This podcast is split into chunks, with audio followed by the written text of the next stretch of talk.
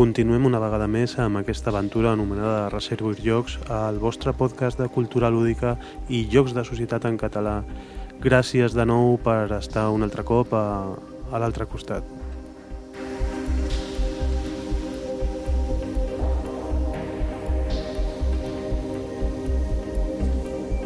Una vegada més i abans d'entrar en matèria li torno a donar les gràcies al, al David Arribas de Lúdica perquè en un dels darrers correus que ens hem enviat m'ha tornat a passar un, una valuosa eh, llista de, de, de consells per, per aplicar al, al podcasting quan es fa des del GarageBand i bé, els hem aplicat i sí que penso que sona millor que altres vegades.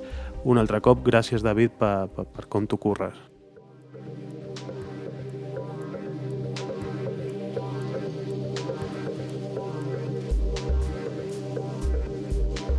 Començo per comentar una notícia referent al, al concurs de creació de llocs de taula, l'Europa Ludi, eh, aquest concurs que ha sortit de la fusió de Granollers i Volum Milancó, com ja sabeu si escolteu el podcast, i és que mm, el, la data límit per, per entregar eh, tota la documentació era, era el 15 de febrer i he vist que a la pàgina web han fet una, ho han posposat i ara ja eh, es pot lliurar tota la documentació fins al dia 1 de març eh, i aquest dia eh, s'inclou dintre del pla. O sigui que si us estàu pensant participar per manca de temps, eh, ara torneu a tenir aquesta nova oportunitat perquè hi ha com 15-16 dies més per poder participar.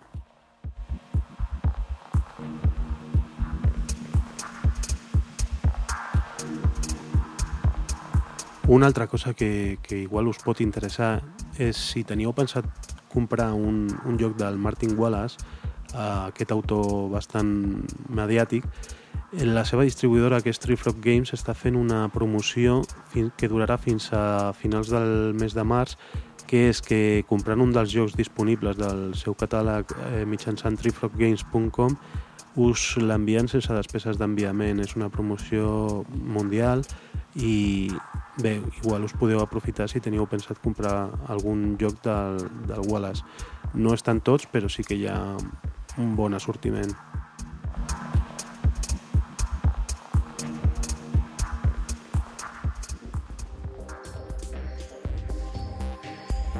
Finalment, la darrera notícia d'actualitat lúdica que ha propiciat que accelerem una mica més la producció d'aquest capítol número 7 del Reservoir Jocs ha estat que ens hem enterat de que els companys del Club del Joc del CAE de Manresa que desenvoluparan per quarta vegada eh, el seu torneig de Carcassonne de la Llum.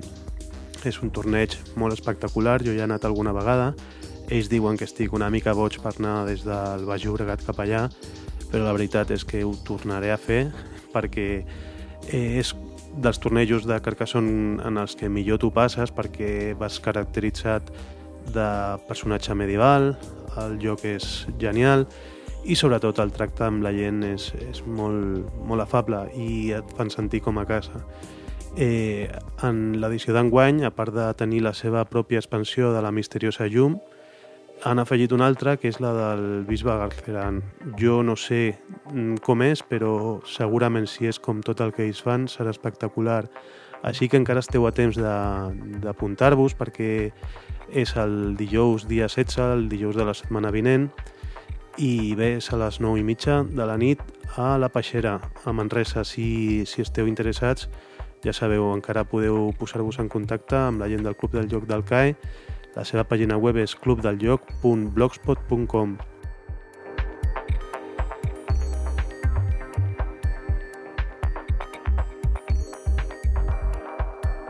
L'altre dia estava escoltant un altre podcast de jocs de taula que es diu Último Turno, que és el, el que desenvolupen uns nanos d'una associació que es diu Último Turno a, a les Illes Canàries, penso que és a Tenerife, i un d'ells va estar intentant explicar un joc de, de l'Stefan Feld que es diu Trajan.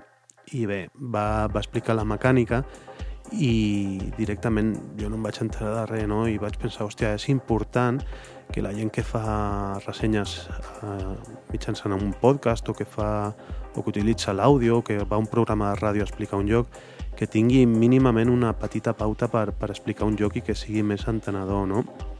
I bé, eh, he fet la pauta, així una mica, no, no és una fórmula màgica, igual hi ha de, de millors, però bé, les posaré i després ho faré com, com a exemple amb el Carcassonne, ja que parlàvem de, del torneig de Manresa, doncs introduiré el Carcassonne per la gent que no sàpiga de, de què va. Per parlar d'un joc, eh, penso que és important dir el títol, Després, si ha guanyat algun premi que valgui la pena mencionar, també dir-ho, dir lògicament el nom de l'autor, el número de jugadors que poden jugar, el temps en el que es desenvolupa normalment una partida, la distribuïdora i un preu aproximat. Després hem de dir la categoria del joc, eh, introduir una mica la temàtica o l'ambientació amb la que s'inspira el joc, dir l'objectiu eh, entrar una mica més en detall en la mecànica, parlar sobre els materials i després donar una opinió personal que tothom la té sobre els jocs. Tu quan fas una ressenya és perquè tens una opinió d'aquest joc i la vols fer, no? perquè o t'ha agradat o no t'ha agradat i és quan pots dir el que t'ha agradat i el que no t'ha agradat.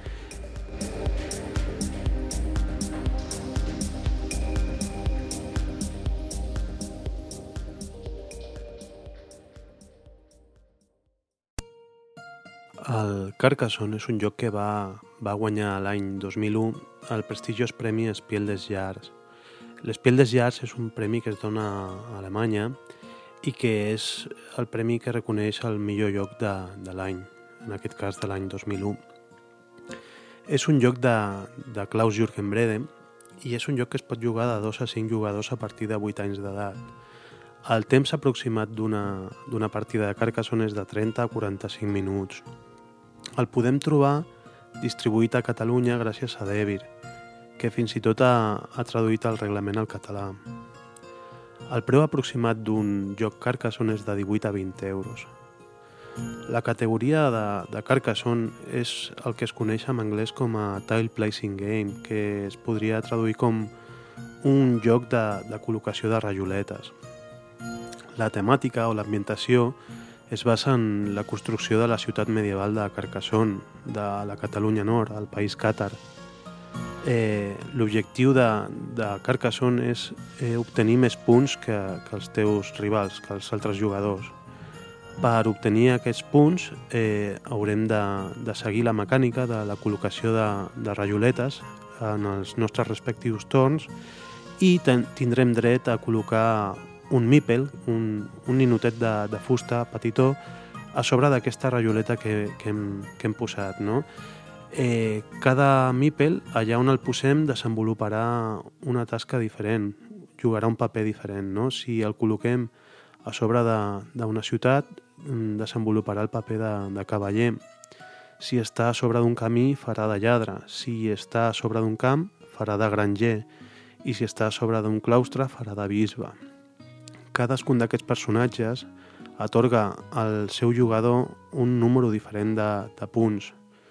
Per exemple, el, els lladres que estan a sobre els camins atorguen al, al seu jugador un punt per cada tram de camí que aquest eh, lladre domini. A les ciutats, si estan completes, cada tram de ciutat complet eh, atorga al seu jugador eh, dos punts. El que passa és que si està incomplet, al final de la partida es comptarà com a un punt. Els bisbes eh, sumen punts pel número de, de rajoletes que tinguin al voltant de, del claustre. I els grangers eh, es recompten sempre al final de la partida i donen punts segons a les ciutats on arribin a portar les seves mercaderies i per cada ciutat que ells puguin arribar et donaran 3 punts. Les ciutats han d'estar completes.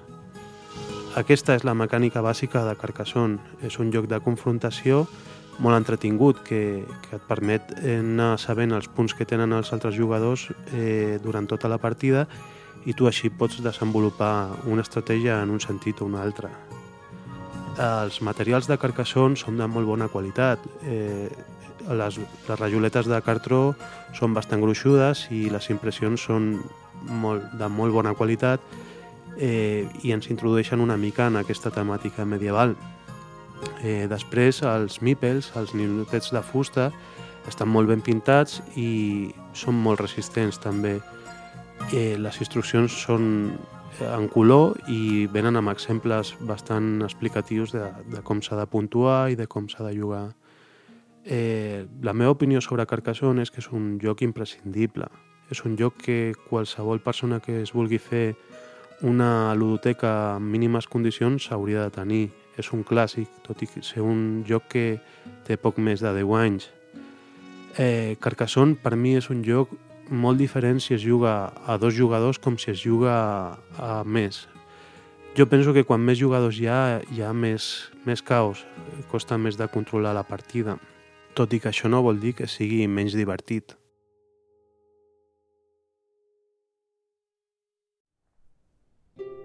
Si voleu acabar de copsar aquesta essència medieval que es desprèn en començar una partida de Carcassonne, no us puc deixar de recomanar que, que vingueu al, al torneig de, de Manresa de, del proper dijous perquè allà ho podreu viure en primera persona i, i amb una ambientació i amb unes caracteritzacions i també amb un joc que és La Peixera, que és un cafè-teatre molt modern i alhora molt antic que, que, es, que ens transportaran a, a uns anys enllà.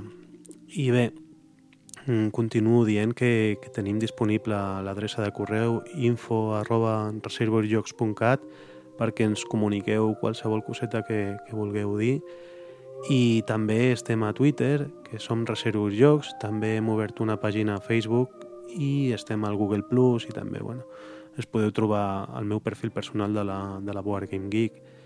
Eh, esperem els vostres comentaris i si veieu que hi ha algunes seccions que es poden fer i tal, estem oberts a col·laboracions. O sigui que, que ja sabeu, estem a la vostra disposició i gràcies de nou per escoltar-nos.